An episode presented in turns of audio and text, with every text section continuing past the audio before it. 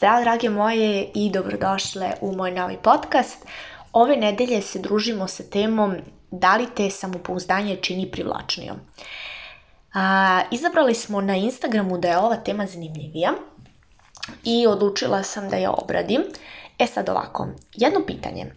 A, da li si ikada razmišljala na tu temu da vidiš neke fizički neprivlačne devojke u fazonu nisu nešto preterano lepe, nemaju neki smisla za garderobu, ništa specijalno, ali opet iz njih isijava nešto, nešto neobjašnjivo i uvek imaju najlepše momke. I se pitaš šta je to što ja nemam, a one imaju i bukvalno dobijaju sve tako. E sad, to je u stvari samopouzdanje i ta moć koju prinose na druge, uh, i to nešto čime očaravaju. E sad, u čemu se svodi ta moć tog samopouzdanja? Svodi se kratko i jasno u odnosu same sa sobom. Znači, kakva si ti sama sa sobom, tako projektuješ energiju prema drugim ljudima. Znači, kako to sad znači? Gle ovako. Sad postoji par trikova kako da ti sama postaneš prvo sebi broj jedan, a onda da tako projektuješ i na druge. A, prvo, trebaš da uh, shvatiš, da vidiš na sebi koje su to vrednosti koje imaš. Znači, da li je uh, adut na tvom telu, tvoja kosa, oči, e, puna usta ili možda usta koje nisu puna, da na primjer, grudi, zadnjica, struk, butine, šta je to na tvom telu što je vrednost, znači što je adut neki koji bi trebala da istakneš. I onda probaš kroz garderobu da istakneš taj adut. Znači, to je jedna stvar. Naprimjer, um, bitno je jako da znaš kako da se obučeš. Ja te time neću učiti, već postoje različiti kanali na YouTube-u i Instagram stranice i šta sve ne, za različite tipove građe. Znači, ako imaš ono široka ramena, uske kukove, ako imaš peščani sad građu, ako imaš onu kruška građu i tako različite stvari, bitno je znači da vidiš na sebi šta se gde ističe. A sa druge strane, da vidiš šta je ono što ti se, na primjer, ne dopada na tebi. Na primjer, možda voliš to što imaš uh, uska ramena, male kruti, ali na primjer ne voliš što imaš široke kukove i velike butine. Na primjer, ako imaš taj tip građe kao na primjer trougao, onda uh, istakneš gornji deo a donji deo probaš znači da e, obučeš farmerke, nešto tako, znači da sakriješ. Sve to ima, verujem, i na internetu, samo malo progugli na, o tome. I vidjet ćeš koliko je tebi lepše da se oblačiš u skladu sa sobom, to jest onako kako se tebi više sviđa. Znači, što ti lepo ističe na telu. Zato sam već jednom ponavljala, kada izlaziš na dejtove, kada radiš takve neke stvari, nemoj da slušaš drugaricu tamo vamo nekog ili uzimaš drugaričine stvari koje ona oblači za dejtove jer njoj pali to, ta određena boja crvena, na primer, njena crna neka bluza, kad ti i ona nemate istu građu. Jednostavno, moraš da nosiš ono što tebi odgovara, znači u čemu se ti osjećaš konforno. Makar se skinula gola, ako se ti u tome osjećaš konforno, to je to. Znači, nemoj da se trudiš da nosiš garderobu koja je in trend ili tako nešto, a koje se ti ne osjećaš dobro. Jer da bi isijavala taj sjaj sebe, moraš znači da se ti osjećaš dobro u svojoj koši. To takođe se kasnije, znači, projektuje na to ako, na primjer, misliš da imaš neki višak, kreneš da vežbaš i tako neke stvari, nešto, znači, promeniš na sebi. Druga stvar jeste da isijavaš pozitivnom energijom.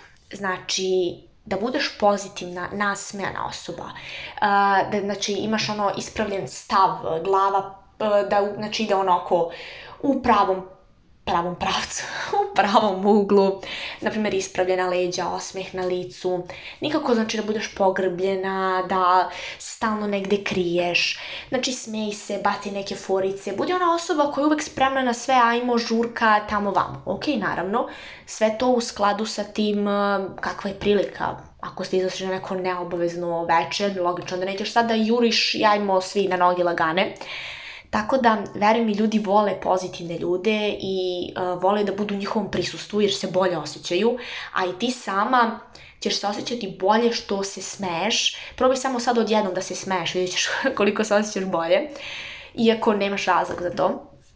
Naravno, ok, e, neki put to zna da bude mnogo fake i da se onako na silu smeješ, nemoj ni to da radiš, znači nemo, nećemo ići ni iz krajnosti u krajnost, već se trudi da to bude dozirano, da to bude u srazmeri i da, na primjer, ako neka tužna priča, ne znam, ćeš sa drugarici da kažeš, ma nije ti to ništa, ajmo, smej se. Logično, mislim. Um, samo bitno je da doziraš i da gledaš situaciju. Sledeća stvar jeste da poštuješ sebe. To je ono čemu sam pričala više puta Znači, bitno je da poštuješ sebe i svoje standarde i da ne dozvoliš da te iko spušta. Znači, ako imaš prvi dejt, i sad taj neki dečko kasni više od 15 minuta, čak neki kažu da je i 5 mnogo, ali ajmo da kažemo 15 minuta. Znači, ćeš ti stvarno njega da čekaš? Umesto da piješ kafu s njim, lepo idi sama kući skuvaj kafu, što bi rekla pun lonac, skuvaj kafe i pi sama uz, ka, uz eh, TV, uz muziku, sveće, pisama. Jer čim on nije dostojan, znači da nisi mu toliko bitna, da bi on došao na vreme, znači, aha, ona čeka, može da čeka, nije ona ništa, bukvalno, ako jednom ga pustiš tako, na, pogotovo na prvom dejtu, pustiš ga, eto tako da, da ga čekaš, on će to raditi svaki sledeći put. Svaki sledeći put ćeš ti njega da čekaš. A onda kad se setiš toga da to ne volja, bit će već, bit će već kasno. Bukvalno ne možeš da menjaš vezu takve neke stvari na kraju. To se postavljaju granice još na početku. Ili, na primjer, ako ti se ne sviđa nešto u vezi njegovog tretmana, znači, ako ti jednostavno dečko ne posveća dovoljno pažnje, moraš da mu kažeš to i ili jednostavno budi spremna da na rizik raskid ok, ja želim svoje standarde, želim to, to, to i to. A ako ne ispunjavaš to, molim te, idem dalje. Naravno, to ne znači da ćeš sad na početku veze da mu e, isčitaš cijelu svoju listu. Moraš da radiš to, to, to i to da bi mi bili zajedno. Zato što je to glupo. I sama vidiš koliko to glupo zvuči. Ali jednostavno, u toku veze, u toku viđenja, bez obzira da li ste u vezi ili ste na početku, jednostavno trudi se da držiš negde svoje granice. Znači šta je to nešto što ti ne želiš da pređeš preko toga. A da bi to znala, moraš to sama sebi prvo da postaviš. Znači prvo moraš sama da vidiš znači šta su tvoje granice, šta su tvoji standardi, preko čega ti ne prelaziš. Postoji podcast koji se zove Kako postaviti granice i tu možeš da pronađeš znači, tačno korak po korak kako da ih postaviš. Jer kako da znaš šta neko prelazi kad nemaš postavljeno? Jednostavno, kako da znaš da li je neko ušao u tvoje dvorište ako nemaš ogradu? Bukvalno nemoguće. Tako da, Uh, vezujem se najviše za temu dečka, jer smo mi ljudi u tim emotivnim odnosima najmekšim, da tako kažem, pogotovo kad smo zaljubljeni, jao, pa neka ga, pa nije on to stvarno mislio, pa nije on to hteo tako. Ok, lepo je to sve pozitivno razmišljanje, ali nemoj da gledaš svet kroz ružičaste naočare, zato što uh, opet se vratim na onaj citat koji kaže onda hoće, on bi. Onda te smatra dovoljno vrednom, ne da bi kasnio na svaki sastanak, ne bi došao posle pola sata i pola sata ti priča o tome kako mu se desilo nešto i zato nije mogao da stigne. Bukvalno, vidiš koliko to glupo zvuči. Zato razmisli sledeći put o tome. Da li si zaista vredna toga da ti nekog čekaš? Zašto neko ne čeka tebe? E, to je to. Jer da bi dobila kralja, moraš da se ponašaš kao kraljica. To jest, moraš da zahtevaš tretman kraljice. To je jednostavno to.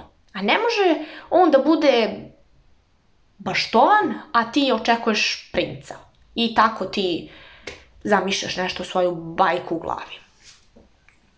I još jedna stvar, a to jeste, opet vezano za ovo, iznesi svoje mišljenje. Znači, pred grupom ljudi, pred dečkom, pred porodicom jednostavno iznesi svoje mišljenje, kaži svoj stav, znači budi osoba od stava.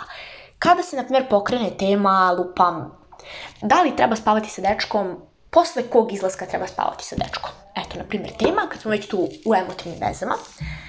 I sad, tvoja drugarica kaže, na primjer, tvoja drugarica kaže, imala sam pauzu, ne znam da sam to ponovila, uh, treba, na primjer, nakon prvog izlaska ti sa tim ne slažeš, ti kažeš ja sam na primer za treći. I onda ona krene da te ubeđuje, e znaš ja sam za prvi, zašto ne prvi, zašto treba gubiti vreme, zašto? jednostavno, tu nije bitno da ti ispadneš u pravu, samo jednostavno kaže, ok, ja poštujem tvoje mišljenje, razumijem zašto to misliš, ali ja mislim da jednostavno treći izlazak je sasvim ok. Znači, nemoj, e, saslušaj drugu stranu i prihvati njihovo mišljenje, ali nemoj da budeš ni osoba koja će, aha, znači ti si u pravu, to je to. Ali nemoj da budeš ni osoba koja će da stoji zadrta iza svog stava, ja mislim da je to jedino ispravno, drugi ne postoji još jedna greška. Znači, moraš da budeš opet fleksibilna, ali da budeš osoba koja, na primjer, kaže, e, znaš, ja se sa tim ne slažem. A ne da kažeš, aha, da, ja se slažem. I onda budeš jedan papagaj u grupi. Vidiš ovako, ovo su ti četiri ili pet koraka koje obično te devojke ispunjavaju. Najčešće te devojke koje privlače sve te lepe momke su devojke koje imaju visoko samopoštovanje. Znači, koje poštuju sebe i svoje vreme. Zato što one nisu lepe tebi, njemu jesu. Jednostavno. Njemu, na primjer, nije bitno lepota, bitno mu je da mu je devojka kraljica, da se ponaša kao kraljica i da njega drži kao kralja. To je to. Znači, tu nemaš veze ti. Tako da razmisli malo o ovome šta sam ti rekla. Razmisli koliko ovih stvari si sad pripučula ili si čula pa nisi dovoljno. Istraži još i pogledaj kako ćeš to da iskoristiš u sledećoj prilici. Da li ćeš sledeći put kad te neko bude zvao na dejt i da ti kaže nešto loše, da li ćeš postupiti isto kao što si do sada postupala ili ćeš malo promeniti sva razmišljenja. Razmisli malo o tome. To je to. Dve nedelje ću praviti pauzu do avgusta sa podcastima. U avgustu kreće moj besplatni online program koji će uh, biti vezan za izgradnju samopouzdanja iz korena. Uh, tačan naziv i sve to će biti na mom Instagram profilu, tako da ako me tamo ne pratiš, zaprati me. I uh, slušaj i moje stare podcaste za ove dve nedelje dok se ne vratim. I to je to. Čujemo se. Ćao!